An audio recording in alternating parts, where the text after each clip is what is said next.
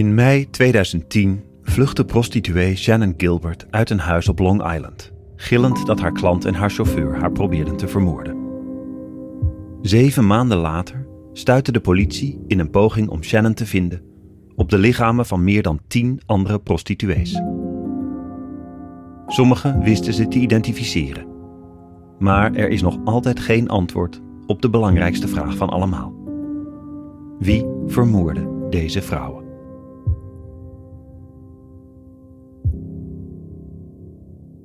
Welkom bij Onopgelost, de Nederlandse bewerking van de Amerikaanse podcastserie Unresolved.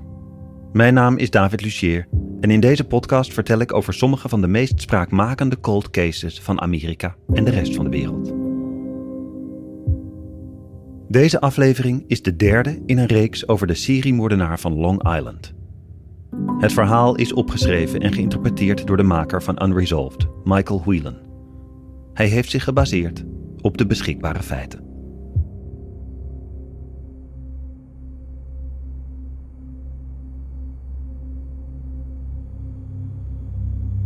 De seriemoordenaar van Long Island, deel 3. Suffolk County.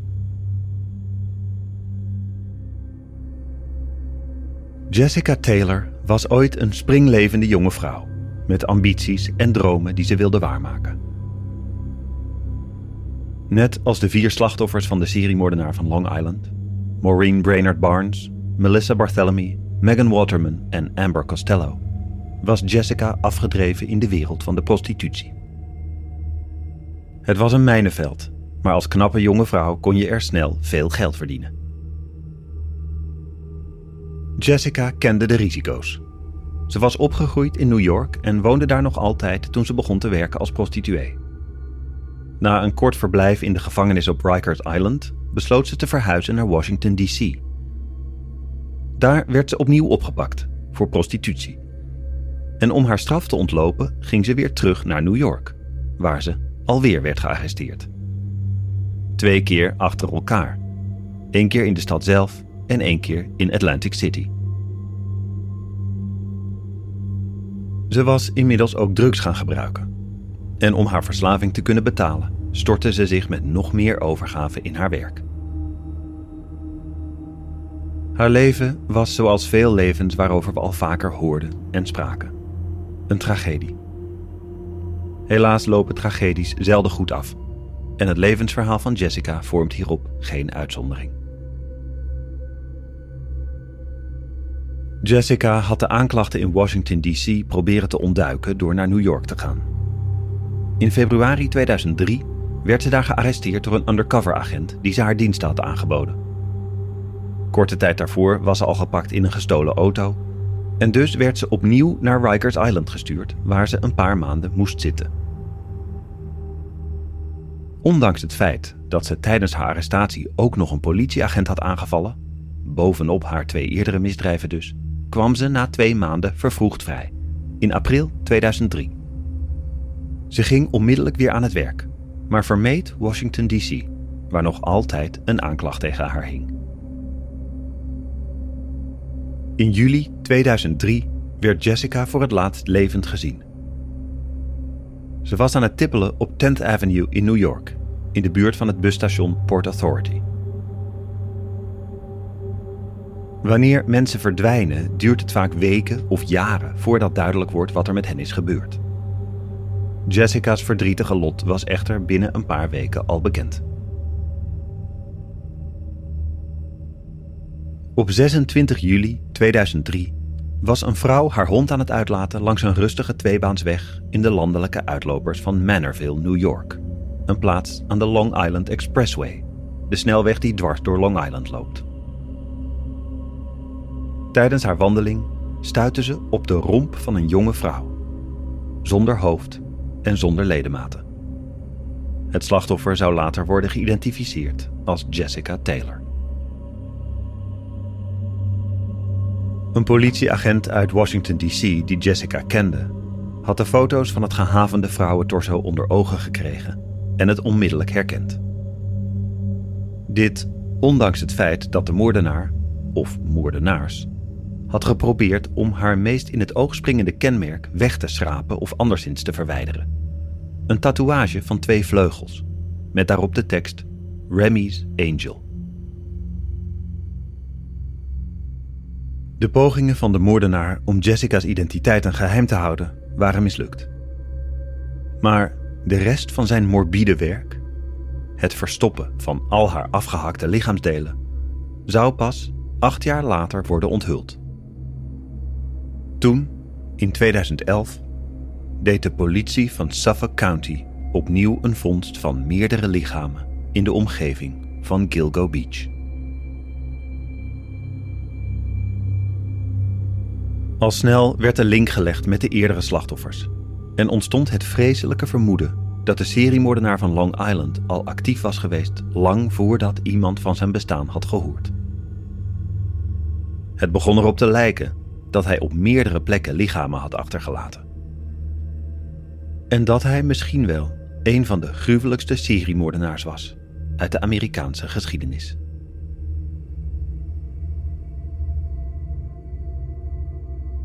Richard Dormer wist dat zijn dagen als hoofdcommissaris van de politie van Suffolk County geteld waren. Steve Levy, de districtsbestuurder die Dormer had aangesteld, zou niet lang meer op zijn post zitten. Hij had een gooi gedaan naar het gouverneurschap van New York, maar had midden in dat proces besloten om van politieke partij te wisselen, waarmee hij de steun die hij misschien had kunnen hebben, had verkwanseld. Toen ook nog bleek dat er een onderzoek naar hem was ingesteld wegens vermeend misbruik van campagnegeld, had hij besloten om het ook in de plaatselijke politiek maar voor gezien te houden. Hij zou zijn termijn afmaken en dat was dat. En dat betekende dat commissaris Dormer, die als kind vanuit Ierland was geëmigreerd en zich had opgewerkt bij de politie van Suffolk County, de bui al voelde hangen. De opvolger van Levy zou zonder twijfel zijn of haar stempel willen drukken en een nieuwe hoofdcommissaris gaan aanstellen. Dit jaar, zijn laatste als hoofdcommissaris, had een rustig jaar moeten worden. Maar in plaats daarvan waren de stoffelijke overschotten van vier vrouwen aangetroffen en was men nog op zoek naar een vijfde. Alle vijfde vrouwen hadden seksuele diensten aangeboden op de website Craigslist. De lichamen waren ontdekt in december 2010 tijdens het zoeken naar Shannon Gilbert, die ongeveer zeven maanden daarvoor verdween. Er werd uitgebreid onderzoek gedaan om de identiteit van de vier slachtoffers vast te stellen. Maar het verhaal zong rond dat het alle vier vrouwen waren en prostituees. Het gerucht ging bovendien dat een van de skeletten in de jute zakken toebehoorde aan Megan Waterman, de 22-jarige moeder uit Portland, Maine, die voor het laatst was gezien in Hauppauge, nog geen half uur rijden van de plek waar ze was gevonden. Toen de DNA-testen hun identiteiten hadden bevestigd, in januari 2011, hield Richard Dormer een persconferentie om de details van de zaak openbaar te maken. Dat was ook het moment dat hij vertelde wie hij dacht dat er achter deze vier moorden zat. Een seriemoordenaar die Gilgo Beach had gebruikt als zijn eigen persoonlijke kerkhof.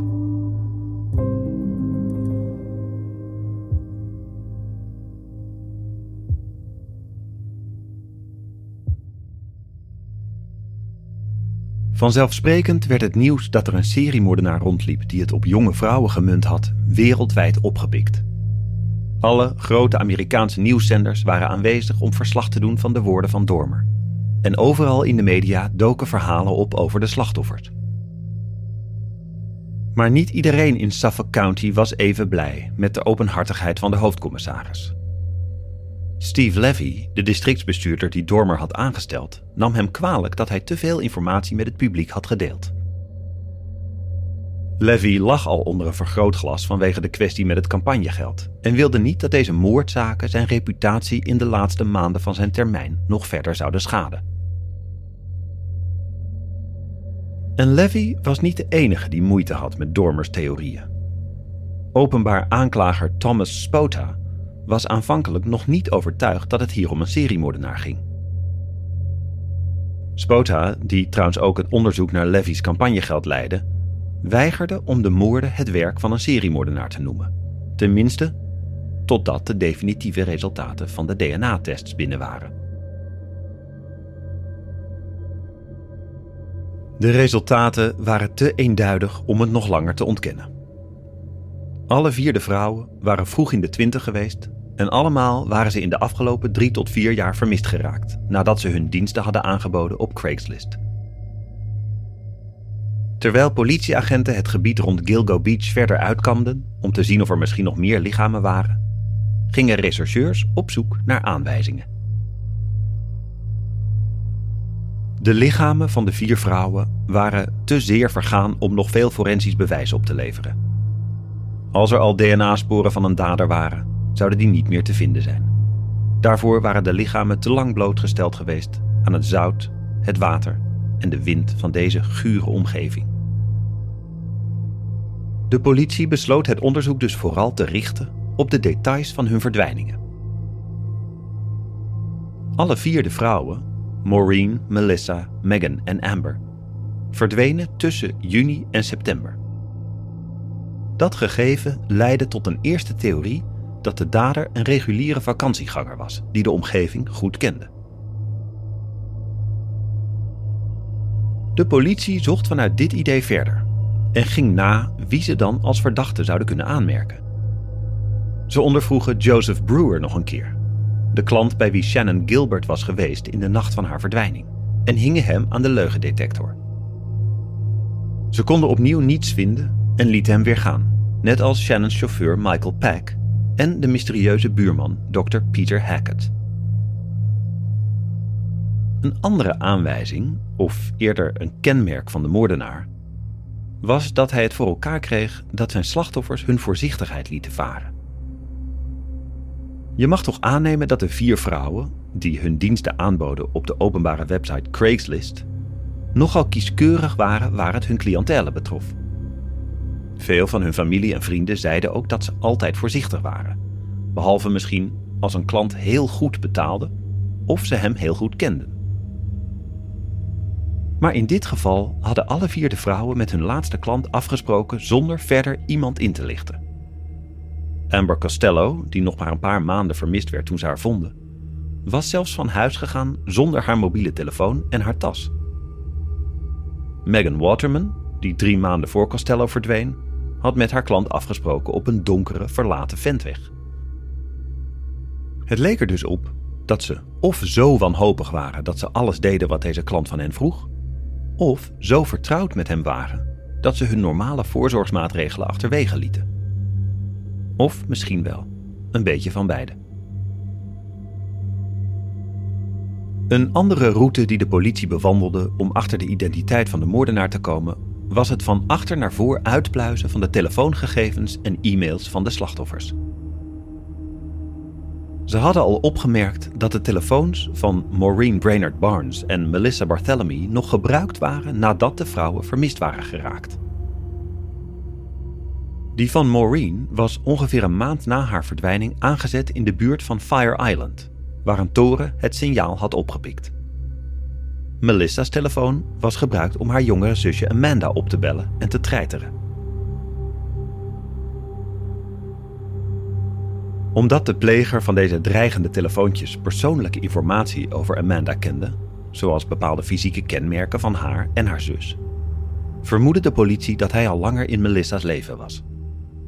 Het leek erop dat de moordenaar al voor Melissa's dood iets met haar te maken had gehad. Misschien als klant of als een soort stalker.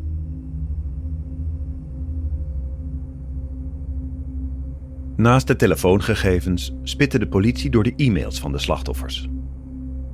Maar helaas vonden ze vooral lijsten met willekeurige e-mailadressen die hen niets te bieden hadden.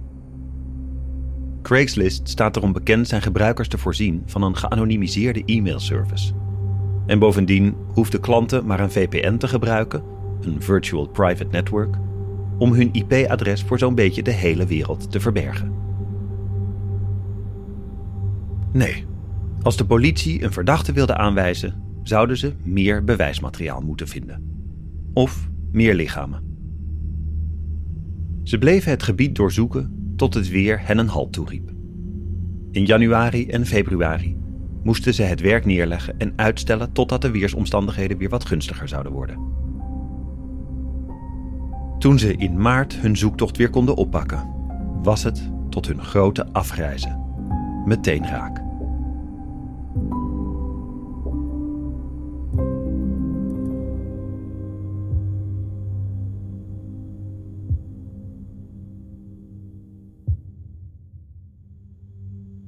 Het lijk, het vijfde dat gevonden werd, was aangetroffen op een meter of tien van de weg en op ongeveer anderhalve kilometer van de plek waar de oorspronkelijke vier lichamen werden gevonden. Een agent had iets ongebruikelijks gezien en had dit verder onderzocht, maar had geen idee gehad dat hij bezig was een bijna tien jaar oud mysterie op te graven. De lichaamsdelen die hij vond bleken namelijk toe te behoren aan Jessica Taylor, de prostituee uit het begin van de aflevering, die al in juli 2003 was verdwenen. Haar bovenlichaam was een paar weken na haar verdwijning gevonden. Dat was ten noorden van Gilgo Beach geweest, naast een rustige weg in Manorville. Maar haar DNA leverde een match op met deze nieuwe vondst. Openbaar aanklager Thomas Spota zei: Degene die mevrouw Taylor heeft vermoord en haar ledematen heeft verwijderd, was er overduidelijk op gebrand om te verhinderen dat haar identiteit kon worden vastgesteld. Er is zelfs getracht een tatoeage van haar lichaam te verwijderen. De volgende week werd er onmiddellijk verder gezocht naar meer lichamen of aanwijzingen. Het duizelde de politie. Deze zaak was eenvoudig begonnen met een vermiste prostituee maar was in no time uitgegroeid tot een grootscheepse zoektocht naar een meedogenloze seriemoordenaar. En niemand kon zeggen hoeveel lichamen er eigenlijk waren. Of hoe lang die er al lagen. Het was inmiddels april 2011. Bijna vijf maanden nadat de eerste vier lichamen in hun jutegraven waren aangetroffen. Vijf dagen na de vondst van de lichaamsdelen van Jessica Taylor, op 4 april, werden de volgende drie lijken ontdekt, die een steeds grimmiger beeld schetsten van de moordenaar of moordenaars. Het eerste slachtoffer was een onbekende vrouw die door de politie Jane Doe nummer 6 werd genoemd. Haar hoofd, armen en rechtervoet werden gevonden langs de Ocean Parkway.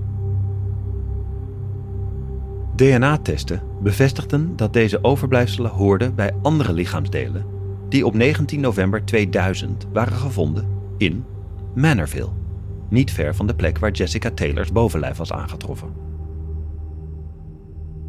De politie had dus nu twee zaken die de lichamen van Gilgo Beach koppelden aan de lijken die in Manorville waren achtergelaten.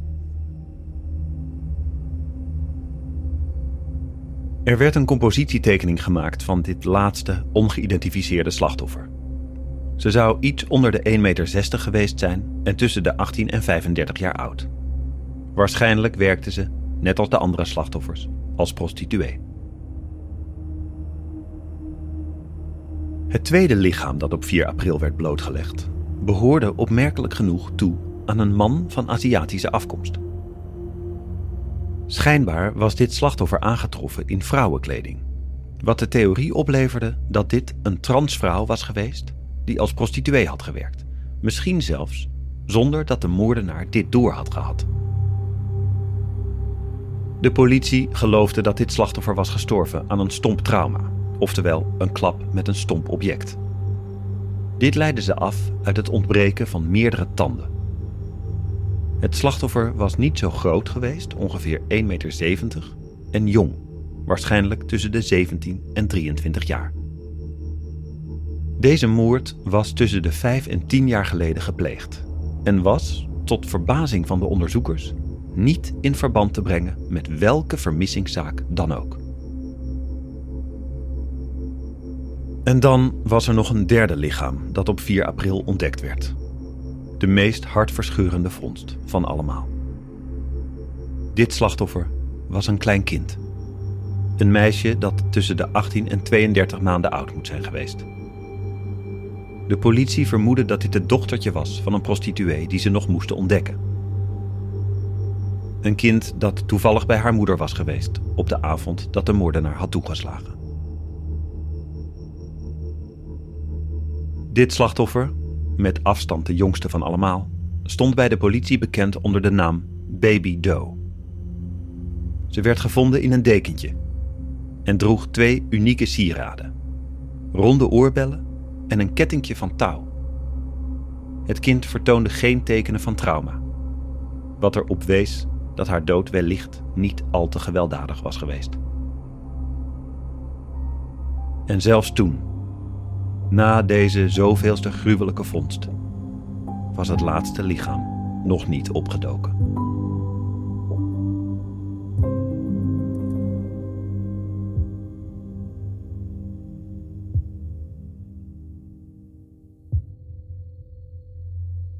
Een week na deze afgrijzelijke ontdekkingen vond de politie weer iets nieuws. Dit keer waren het lichaamsdelen van nog twee slachtoffers, die opnieuw een verband aantoonden tussen de dumpplek langs de Ocean Parkway en de dumpplek in Manorville van zoveel jaren eerder. Maar deze vondst begon ook voor een tweespalt in het onderzoek te zorgen. Het eerste lichaam was dat van een vrouw, bij wie dezelfde sieraden werden aangetroffen als bij baby Doe. Er waren twee armbandjes, één met bedeltjes en één met steentjes in de vorm van diamanten. DNA-onderzoek wees uit dat deze vrouw familie was van baby Doe. Naar alle waarschijnlijkheid haar moeder. Opmerkelijk was wel dat haar overblijfselen werden gevonden in een plastic zak die meer dan 10 kilometer verderop lag, in de buurt van Jones Beach State Park. De andere vondst van die dag was misschien wel het verbazingwekkendst van allemaal. Bij Tobay Beach, een paar kilometer ten westen van Gilgo Beach, werd de schedel van een vrouw gevonden, samen met een paar van haar tanden. Onderzoek zou uitwijzen dat deze vrouw hetzelfde slachtoffer was dat gevonden werd in 1996, toen haar benen met de rode teennagels waren aangespoeld op het strand van Fire Island, kilometers hier vandaan.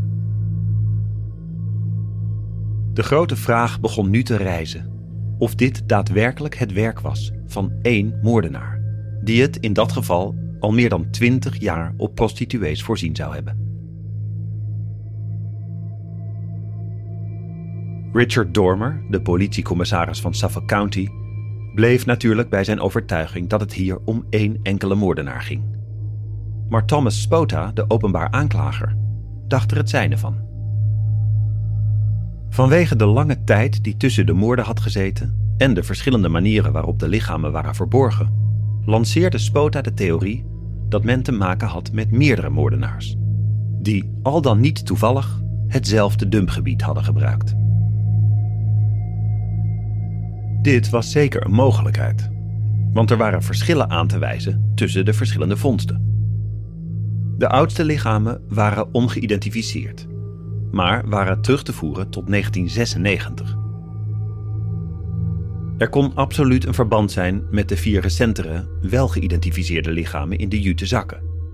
Maar dat verband zat alleen in de locatie van hun resten en in hun beroepen. En dan vertellen we nog niet eens hoe de stoffelijke resten die hoorden bij de vondsten in Manorville weer andere oude moordzaken oprakelden. Van ongeïdentificeerde lichamen die gevonden waren in de jaren voor dit onderzoek. Het meningsverschil over het aantal moordenaars begon een tweedeling binnen het onderzoek te veroorzaken. Sommige rechercheurs hielden rekening met slechts één moordenaar, terwijl anderen Spota volgden en dachten aan meerdere daders. Maar ondanks de discussie moest er natuurlijk eerst en vooral worden doorgezocht. Tijdens de zoektochten van april was de politie een aantal nieuwe methodes gaan toepassen om het gebied uit te kammen. Zo waren ze begonnen met het inzetten van helikopters om locaties te bepalen die later door agenten nader onderzocht moesten worden. In totaal zouden ze meer dan 90 plekken markeren als een dergelijke plaats van belang. Ook werden er honderden agenten ingezet uit andere korpsen van Suffolk County en zelfs daarbuiten Helaas kwamen zij door de eindeloze doornstruiken zo langzaam vooruit dat er alsnog andere methoden nodig waren. De politie ging het kreupelhout te lijf met grote zagen, omdat de onderzoekers zich niet konden voortbewegen zonder zichzelf te bezeren. Ook zetten ze grote voertuigen in, zoals brandweerwagens, waarvan de ladders dwars over de struiken werden gedraaid, zodat agenten daarop konden liggen en van bovenaf de grond konden afspeuren naar aanwijzingen of, God verhoede, meer lichamen. Maar net als een paar maanden eerder begon het weer geleidelijk om te slaan en het veldonderzoek moest opnieuw worden gestaakt. De 90 plaatsen van belang zouden pas maanden later onderzocht kunnen worden. Ondertussen kende het onderzoek nog altijd twee sporen. De meesten deelden Spota's overtuiging dat er meerdere moordenaars waren. Maar sommigen onderschreven Dormers één-dader-theorie. In elk geval had de politie nu een paar aanwijzingen om op door te gaan. Ze hadden ontdekt dat de vroegste slachtoffers van hun ledematen waren ontdaan. Hun lichamen in stukken gehakt waren en unieke uiterlijke kenmerken verwijderd waren. Hun moordenaar had geprobeerd hun identiteit te verhullen. Bij de vrouwen van wie de rompen in Manorville waren gevonden, had hij het hoofd en de handen afgehakt, zodat ze niet geïdentificeerd konden worden aan hun tanden of vingerafdrukken. Ook had hij geprobeerd kenmerken zoals tatoeages te verwijderen.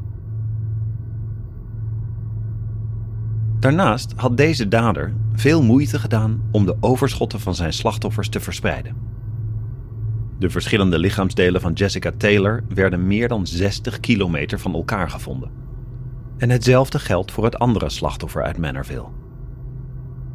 In het geval van de vrouw die samen met haar dochtertje was vermoord, had er 15 kilometer tussen haar resten gezeten. Hoewel het kind dan weer vlakbij andere slachtoffers had gelegen. Echter, sommigen hadden juist het idee dat de moordenaar zich gaandeweg op zijn gemak was gaan voelen. Misschien kende hij de buurt goed en wist hij dat het gebied langs de Ocean Parkway een veilige plek was om de lichamen te dumpen. Niemand zou zomaar door de moerassige doornstruiken gaan rondbanjeren, zelfs niet de meest doorgewinterde wandelaars. Het was niet ondenkbaar dat de moordenaar in de loop der tijd gemakzuchtiger was geworden. Zijn slachtoffers waren na tien jaar nog steeds niet gevonden. Hij zou kunnen stoppen ze in mootjes te hakken en zichzelf bovendien de urenlange ritten om zich van de lichamen te ontdoen kunnen besparen. Hij kon makkelijk in hetzelfde gebied blijven opereren, daar langs de Ocean Parkway bij Gilgo Beach. Het was eenvoudig, niemand zou hem er zien en het zou hem ook telkens weer een kick geven om in de buurt van zijn eerdere slachtoffers te zijn. De bekende auteur en voormalig commandant van de New Yorkse politie, Vernon Gabbard, steunde openlijk Richard Dormers theorie van de enkele moordenaar. Ik zou niet zomaar uitgaan van meerdere daders, zei Gabbard. De kans dat twee verschillende seriemoordenaars hun slachtoffers op dezelfde plek achterlaten is ongelooflijk klein. Zo klein dat ik het niet geloof.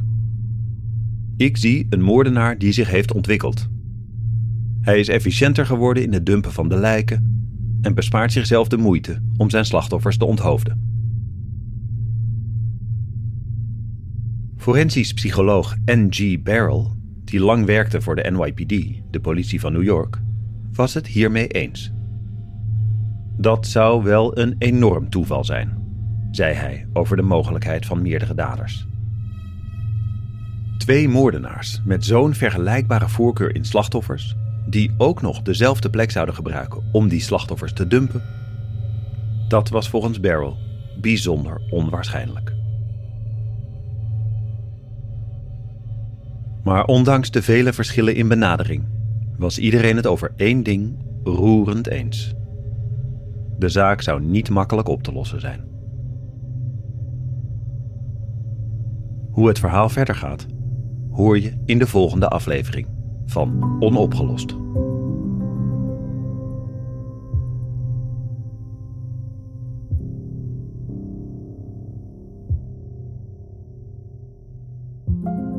Dit was Onopgelost, de Nederlandse bewerking van de Amerikaanse podcast Unresolved. Geschreven door Michael Whelan, vertaald en verteld door mij, David Lucier. Onopgelost is een productie van Dag en Nacht Media in opdracht van Podimo de montage en mixage is gedaan door Jasper Boogaard, de productie door Lisa Russeler en Anne Janssens. Graag tot volgende keer.